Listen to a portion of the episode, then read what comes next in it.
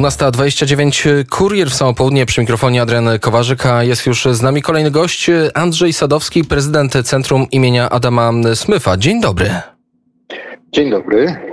I y, cóż, y, informacje płyną do nas y, stosunkowo negatywne. Wydawałoby się, Bundesbank ostrzega przed silnym wyhamowaniem niemieckiej gospodarki. Jak wiemy, ona jest dosyć mocno, a może to zaraz pan wyjaśni, powiązana również z gospodarką polską. Czytamy w raporcie, informuje Reuters, że w bieżącym kwartale dojdzie do silnego wyhamowania ożywienia gospodarczego. Problemem jest wysoka inflacja i problemy z łańcuchami dostaw, które mają się wydłużyć na przyszły rok. Jak pan to skomentuje?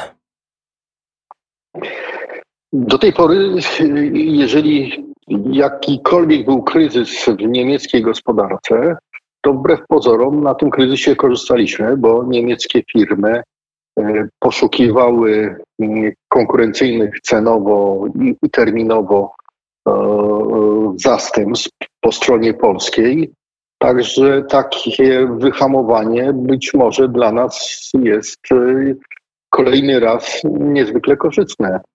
Ale e, kumulują się od lat e, przepowiadane konsekwencje dramatu, z jakim się zmagają zwłaszcza stare kraje Unii Europejskiej. To jest dramat czy kryzys demograficzny, gdzie coraz mniej jest osób chętnych do pracy. Stąd nic dziwnego, że po okresie administracyjnego mm, ograniczania działalności i przenoszenia jej w sferę wirtualną, dzisiaj tak trudno jest o mm, pracowników nie tylko w Polsce, ale tak samo w gospodarce niemieckiej, mimo mm, otwarcia na przybyszy z różnych miejsc ze świata. No tak, widzieliśmy to choćby, to trochę inny przykład, ale w Wielkiej Brytanii, gdzie problemy są z dostawami przez brak kierowców. Y, na niemieckim rynku jeszcze tak źle nie jest, chociaż też pojawiają się pierwsze jaskółki tego typu problemów i braku kierowców, ale wspomniał Pan o tym, że gorsza sytuacja gospodarki niemieckiej wcale nie musi oznaczać, że wpłynie ona negatywnie na polską gospodarkę, szczególnie, że złotówka jest dosyć tania i wychodzi na to, że chyba będzie jeszcze tańsza PKO BP przewiduje, że według prognoz kurs euro mógłby wynieść 4,56, kurs dolara 3,97. Być może tak będzie, ale to jest wynik niestety świadomej decyzji osłabiania e, polskiej waluty narodowej działania niezgodnie z celami Narodowego Banku Polski, który ma jednak strzec wartości naszej waluty. Bo na dobrą sprawę, jak popatrzymy też historycznie, to w momencie, kiedy dolar był poniżej 2 złotych. E, nasz eksport e, znakomicie sobie dawał radę, jeżeli ta kategoria jest dla niektórych takim fetyszem. A trzeba pamiętać, że jesteśmy ciągle krajem, który importuje dużą liczbę dóbr e, inwestycyjnych. Stąd osłabianie własnej waluty no, wpłynie prędzej czy później na pogorszenie się naszych później produktów czy usług, które chcemy sprzedać e, za granicą. Ale czyli rozumiem, że e, mówi pan, że nie ma korelacji pomiędzy wartością złotówki w porównaniu do innych walut, a polskim eksportem? Jego znaczy, wzrostem, znaczy, nie spadkiem? jest taka, bo jednak nie eksportujemy 100% naszej produkcji usług, tylko zaledwie pewną część. Jednak duża, Polska jest na tyle dużym krajem, że konsumujemy E, na swoim terenie znaczącą część. Oczywiście w przypadku mebli eksportujemy tą produkcję, którą mamy e, prawie że w 80, a czasami na więcej procentach w zależności od roku, ale to jest kilka takich branż, które są nastawione wyłącznie na sprzedaż na rynkach międzynarodowych. E, I, I, dlatego patrzenie tylko poprzez pryzmat eksportu jest tak jak daltonizm, jest pewną upośledzeniem e, rozumienia procesów gospodarczych. Stąd poprawienie na moment e, niektórym w dodatku eksporterom możliwości sprzedaży z większą marżą, a nie patrzenie, że jednak ci eksporterzy w dużej mierze też muszą wcześniej zaimportować surowce, maszyny i, i jakby bilans z tego tytułu wychodzi na na niespecjalną korzyść. Poza tym pamiętajmy o naszych międzynarodowych zobowiązaniach finansowych, które są eksponowane w walutach obcych i każde osłabienie polskiego złotego wpływa na zwiększenie naszych zobowiązań międzynarodowych, które przecież, jak wiemy, sięgają setek miliardów e, przeliczeniu na złoty. Czyli gdyby Także... miał pan odpowiednie instrumenty, e, w tym momencie wzmacniał pan, wzmacniał pan wartość e, złotówki? No, to, to po pierwsze jest statutowy cel Narodowego Banku Polski. I jeżeli już tak prostacko podchodząc do procesu, popatrzymy na złotego, który był w naturalny sposób warty 2 y, zł za jednego dolara, to wcale naszej gospodarce nie działa się krzywda. W momencie, kiedy była w Polsce deflacja, też ani gospodarce, ani tym bardziej obywatelom nie działa się krzywda, tylko wręcz przeciwnie, obywatele przy tych samych nominalnych zarobkach mogli więcej e, dóbr nabywać. Stąd inflacja jest niestety e, takim niewidzialnym podatkiem, który najszybciej jakby wpływa na poprawienie sytuacji budżetu, natomiast niszczy jednak i oszczędności, i poziom życia naszych obywateli. Inflacja, która wydaje się, według zapowiedzi wielu ekspertów, wysoka inflacja pozostanie z nami przez dłuższy czas. Zgadza się pan z tym wyrażeniem?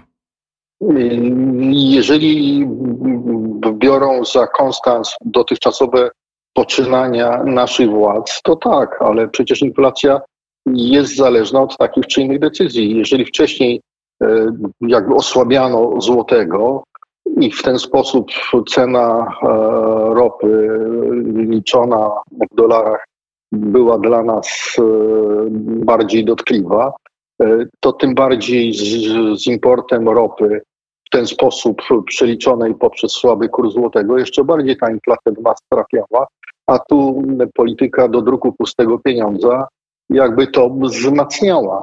W ten sposób y, mamy jakby kulminację różnych polityk prowadzonych wewnątrz kraju.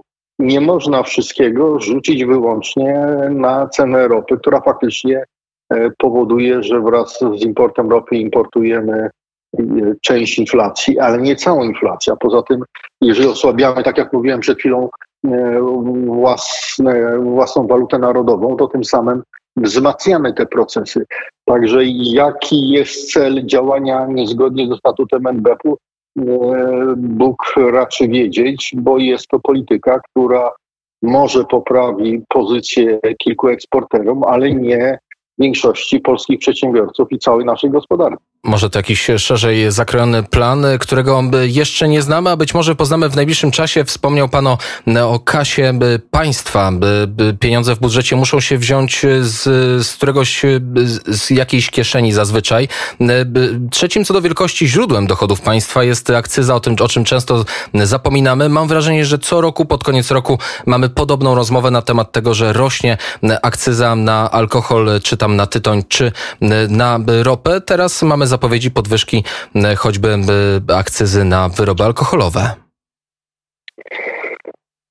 No, powstaje naturalna e, sytuacja, w której do polscy obywatele będą kupować po niemieckiej granicy, czy po czeskiej, czy po słowackiej alkohol, który już jest przy dotychczasowej akcyzie tańszy, a ten proces się tylko nasili. Tylko alkohol pytanie... z Niemiec tańszy niż polski?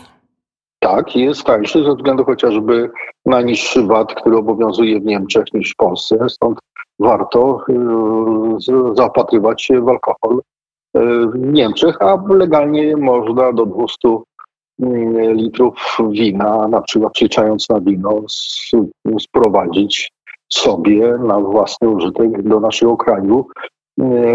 Także możliwości jest więcej i obywatele, jak sądzę, będą skwapliwie korzystać z legalnych form nabywania alkoholu e, w tym momencie, gdzie będzie on tańszy. Tylko zadajmy sobie pytanie. Jednak w innych krajach prowadzi się też oszczędności po stronie wydatków. Wprowadza się działania, które mają obniżyć dotkliwość e, tego gwałtownego wzrostu cen. W Portugalii obniżono akcyzę na paliwa. W Czechach wprowadzono zerowy VAT na energię. zerowy VAT na energię. Czyli mamy sytuację, w której rządy rezygnują z tych spekulacyjnych wpływów z tytułu podwyżek i rosnących cen, po to tylko, aby nie doprowadzić do uruchomienia e, domina w gospodarce, kiedy jedna, jedno bankructwo będzie pociągało za sobą następne i za chwilę po tych nadzwyczajnych wpływach, które pokazuje rząd, będziemy mieli sytuację po prostu e, rosnącego braku wpływu z tytułu braku firm, które do tej pory jeszcze jakoś sobie na rynku radziły, ale po kolejnych podwyżkach nie były w stanie udźwignąć tych wszystkich ciężarów.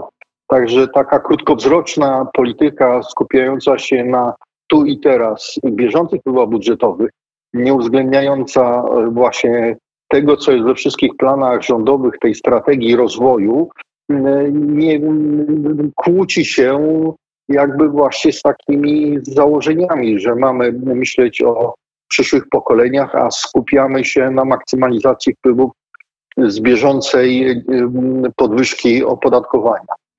To prawda, a skoro wyjął pan już z kapelusza przykład czeski, to w takim razie zapytam, jak to jest, że Czesi mogą obniżyć stawkę VAT na energię z 21% do zera nagle? To jest na jakiś określony czas? Unia Europejska pozwala na takie rzeczy, bo wydawać by się mogło, że maksymalny VAT, najniższa stopa to jest 15%, chyba że jest to dopuszczone jakoś czasowo. W Unii Europejskiej, wbrew oczywiście wmawianiu obywatelom naszym, że musimy mieć e, kasy fiskalne w taksówkach i opodatkowanie na przykład artykułów dziecięcych na normalnym poziomie. Wiele krajów ma preferencyjne stawki bądź właśnie zerowe, a poza tym e, jednak e, nawet biurokracja unijna dostrzegła zagrożenia z tytułu drożyzny, która zaczyna w tej chwili panować w krajach Unii Europejskiej i kraje zaczynają już samodzielnie podejmować decyzje, które nie są w żaden sposób oprotestowywane, żeby właśnie obniżać e, podatki na nośniki energii. Przypomnijmy zresztą, że wiele lat temu, kiedy żywność zaczęła gwałtownie drożyć w Unii Europejskiej, jednak biurokracja zdecydowała się na rozszczelnienie granic celnych i wprowadzono możliwość e, bezsłowego importu żywności spoza Unii Europejskiej, aby właśnie poprzez konkurencyjny import cenowy e, obniżyć e, coraz bardziej windowane w górę ceny na rynku Unii Europejskiej. Takie zdarzenia miały miejsce i teraz jest pytanie, czy polski rząd, widząc jednak już pierwsze skutki drożyzny i jej wpływu na e, działalność mikro, małych przedsiębiorców, ale też za chwilę tych, tych coraz większych, nie e, tak trzyma się kurczowo e, dogmatu, że nie nastąpią żadne obniżki opodatkowania nośników energii. No tak, tylko jest druga, jest, jest druga, przepraszam, że wejdę w słowo, jest też druga strona. Z jednej strony więcej pieniędzy może zostać w, e, w, w kieszeniach przedsiębiorców, a także obywateli, no ale z drugiej strony, tak jak to powiedział Petr Fiala, przyszły premier prawdopodobnie Czech, niezbyt do końca zadowolony tą, tą informacją, którą ogłosiła minister finansów Alena Schillerowa a propos obniżenia VAT-u, powiedział, że no, może zabraknąć pieniędzy w budżecie no to jak to jest?